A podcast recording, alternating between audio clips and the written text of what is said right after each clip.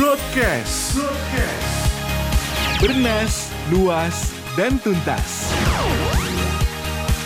Powered by Business Indonesia.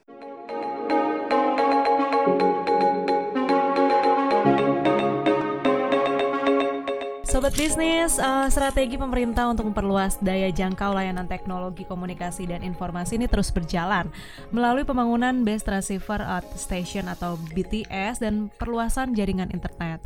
Dan kita juga masih mempelajari juga nih masalah karena juga sempat eh, terkena kasus korupsi. Lalu bagaimana nih eh, strategi yang komprehensif agar layanan jaringan ini mampu menjangkau wilayah di luar Jawa terutama. Dan kita pastinya akan membahas ya dalam program dari redaksi bersama saya Dedianti dan sekarang saya sudah bersama Mas Anwar selaku Content Manager Bisnis Indonesia. Apa kabar Mas? Kabar baik Mbak Ade. Oke, gimana nih eh, minggu-minggu setelah pemilu ya?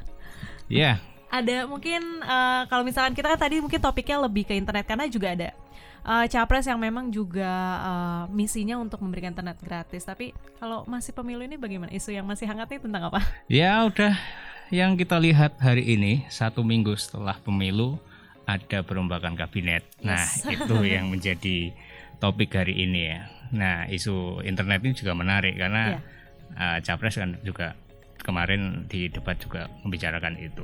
Betul. Jadi nah kita akan membahasnya dan pastinya juga rencana yang matang juga pasti harus disiapkan dari eh, pengembang jaringan dan apalagi ada salah satu investasi Starlink ya Mas ya. Ya betul. Dari Elon Musk yang masih bergulir terus eh, dari mulai perizinannya dan kita juga akan menguliknya. Dan aku mau nanya nih Mas, karena kalau kita lihat dari data eh, Indonesia terdapat dua provinsi yang memang penetrasi internetnya itu kurang dari 60%. Ya betul. Yakni pastinya di pulau di luar Pulau Jawa. Di Sulawesi Barat eh, yakni 59,11 persen dan Papua Pegunungan 57,3 persen. Menurut Mas Anwar nih, langkah pemerintah em, serta internet jaringan tersebut ini dari eh, pihak tersebut pemerataan aksesnya itu bagaimana sih Mas sehingga bisa menjangkau di luar Pulau Jawa yang selalu jadi concern setiap eh, ya kalau kita ngomongin capres gitu ya perluasannya sendiri. Ya, ya eh, luar Jawa pasti eh, untuk penetrasi internet kurang dari 60 ya. Sulawesi sama Papua Pegunungan, Papua ya. Itu memang dari sisi geografi juga jauh kan. Betul. Terus eh, pemerataan penduduk atau rasio penduduknya juga beda dibandingkan kota besar seperti Jawa.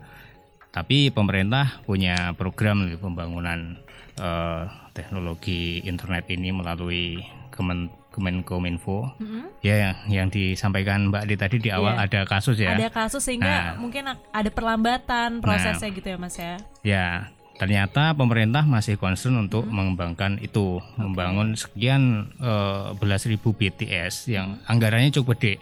Di Kominfo itu anggaran sekitar 14 triliun. oke Nah, 12 triliun sendiri atau sekitar 80% digunakan untuk membangun jaringan atau infrastruktur internet ini. Artinya sepertinya pemerintah tetap concern untuk bangun eh, jaringan internet terutama yang di luar Jawa yang masih kecil tadi dibandingkan di Jawa ya. Oke mas Eh, lalu kita juga eh, pasti setiap eh, internet ini apalagi khususnya di Pulau Jawa yang memang eh, pasar yang besar gitu lalu juga ada mengenai persoalan eh, kesenjangan pemerataan kecepatan dan juga merujuk ke harga pasaran jasa internet nih karena ada beberapa yang di bawah rate harga dan itu mungkin juga jadi apa ya eh, nggak stabil sama jasa Ya, betul. penyedia yang lain gitu mas Betul, betul. ini seharusnya seperti apa dan yang saat ini udah sesuai standar apa ada jasa internet yang jadinya ini ya merusak pasar dari harga dan juga kecepatan Ya, itu uh, menjadi keluhan ya dari pem- pelaku industri ISP ya, penyedia jasa internet terutama yang swasta karena memang Oh. basic harga itu kan untuk broadband kalau nggak salah ya. Iya. Itu kan 200 ribu. 200.000. Ternyata ada yang jual di bawah 150 itu. ya, nah, bahkan. tapi ada ada alasan bahwa ya nggak apa-apa. Yang penting lambat, yang penting online. Ada Oh yang iya, bilang betul. seperti itu kan. Ah. Nah, memang harga ini menjadi eh, tantangan ya. Harusnya ada pe- regulasi batas atas atau batas atas, batas bawah itu yang berlaku. Misalnya di harga tiket pesawat itu ada atas berapa, bawah berapa itu kan. Nah, ada eh, usulan dari APJ untuk eh, menerapkan regulasi seperti itu. Jadi ada nih eh, pelaku industri uh, jasa internet itu punya margin yang bisa diandalkan lah, nggak yeah. nggak perang harga gitu lah. Nah itu menjadi menjadi tantangan yang mesti mesti di apa diantisipasi atau di uh, menjadi perhatian dari pemerintah untuk mengatur industri itu.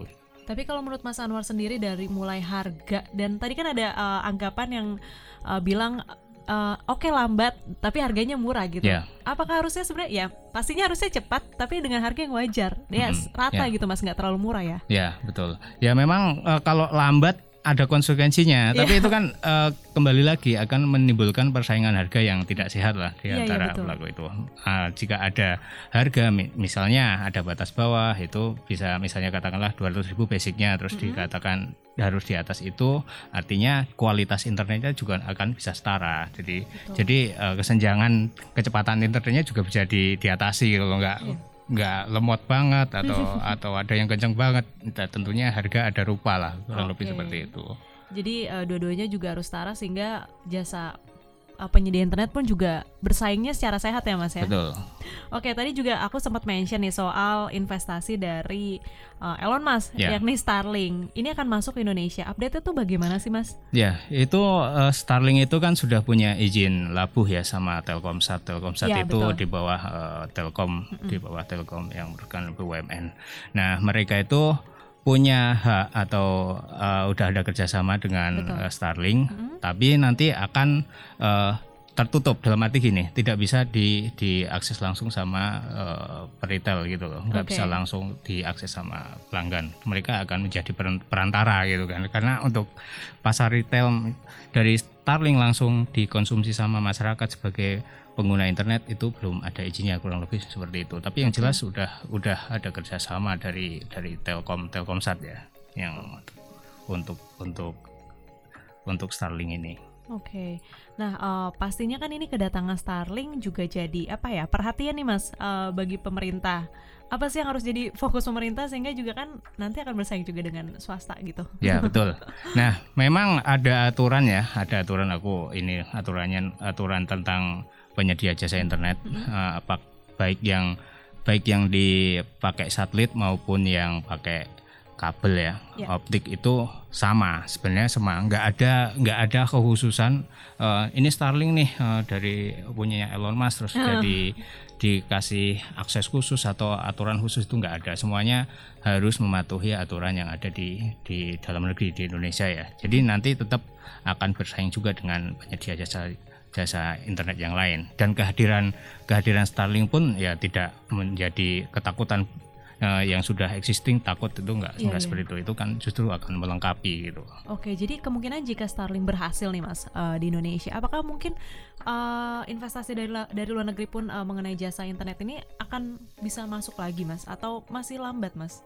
Ya, bisa jadi. Uh -uh. Itu kemungkinan ya kalau misalnya Starlink itu masuk otomatis akan menjangkau uh, daerah-daerah yang masih penetrasinya masih masih rendah tadi mm -hmm. di situ. Nah, kalau kalau bisnis karena di Indonesia itu konsumsi internetnya cukup cukup gede ya yeah. dari sisi dari sisi penduduk aja kita 278 kita hampir 80 persen 221 juta itu mengkonsumsi internet artinya bisa jadi investasi dari luar masih ingin uh, apa bermain di Indonesia. Tapi kita lihat dulu nanti Starlink uh, uh, aksinya akan seperti apa nanti di Indonesia setelah setelah uh, layanan internetnya itu dikonsumsi oleh masyarakat di sini. Oke, jadi uh, data dari pengguna internet di Indonesia juga jadi ya jadi gitu ya? ya itu sangat menarik walaupun sudah ada provider yang cukup banyak ya iya, bahkan ada uh, ada moratorium kan betul. di Jawa jadi kayaknya memang akan cukup menarik bisnis ini cuman ya itu regulasinya harus di di apa dipertegas dari pemerintah. Oke, jadi ini benar-benar uh, apa ya memungkinkan sekali untuk mendatangkan investasi yang lain. Ya.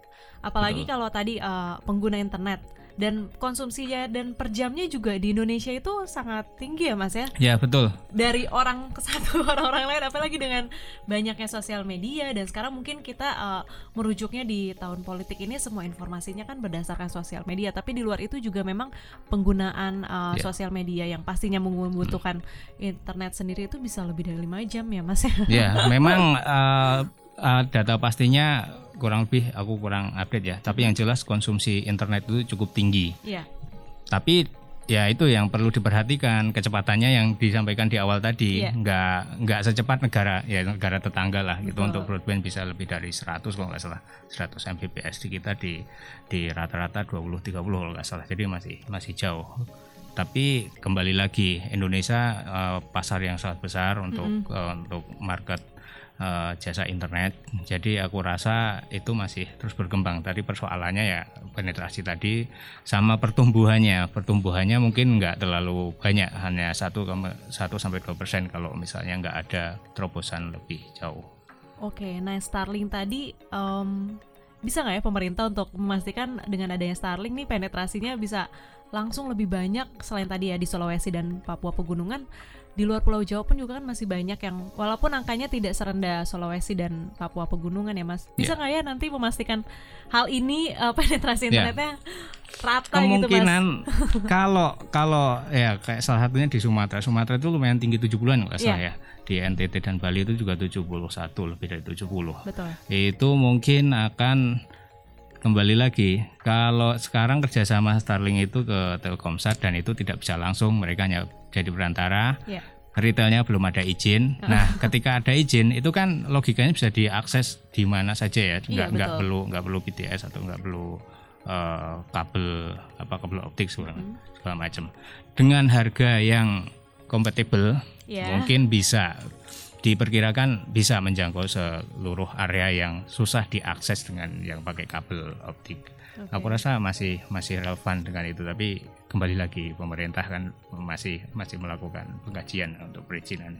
Oke, berarti eh, masih di awal tahun ini eh, untuk pemerintah dengan eh, belanja akses digital ini menjadi berarti ini bukan belanja yang sembarangan ya, Mas. Ini juga Ya. penting sekali untuk Indonesia ya. Sangat penting dan itu menurut saya sangat besar juga dari dari Kemenkominfo dengan Ya. nilai yang cukup fantastis. Ya semoga saja itu berjalan sesuai dengan apa regulasi sesuai dengan aturan ya tidak terjadi lagi penyimpangan yang tempo hari terjadi. Oke, oke sobat bisnis itu dia eh, sekian obrolan kita bersama Mas Anwar mengenai tentang belanja akses digital pemerintah, khususnya dengan kedatangan investasi dari Starlink milik Elon Musk ini. Oke sobat bisnis, eh, dengerin terus podcast dari redaksi hanya di channel Broadcast Bisnis Indonesia.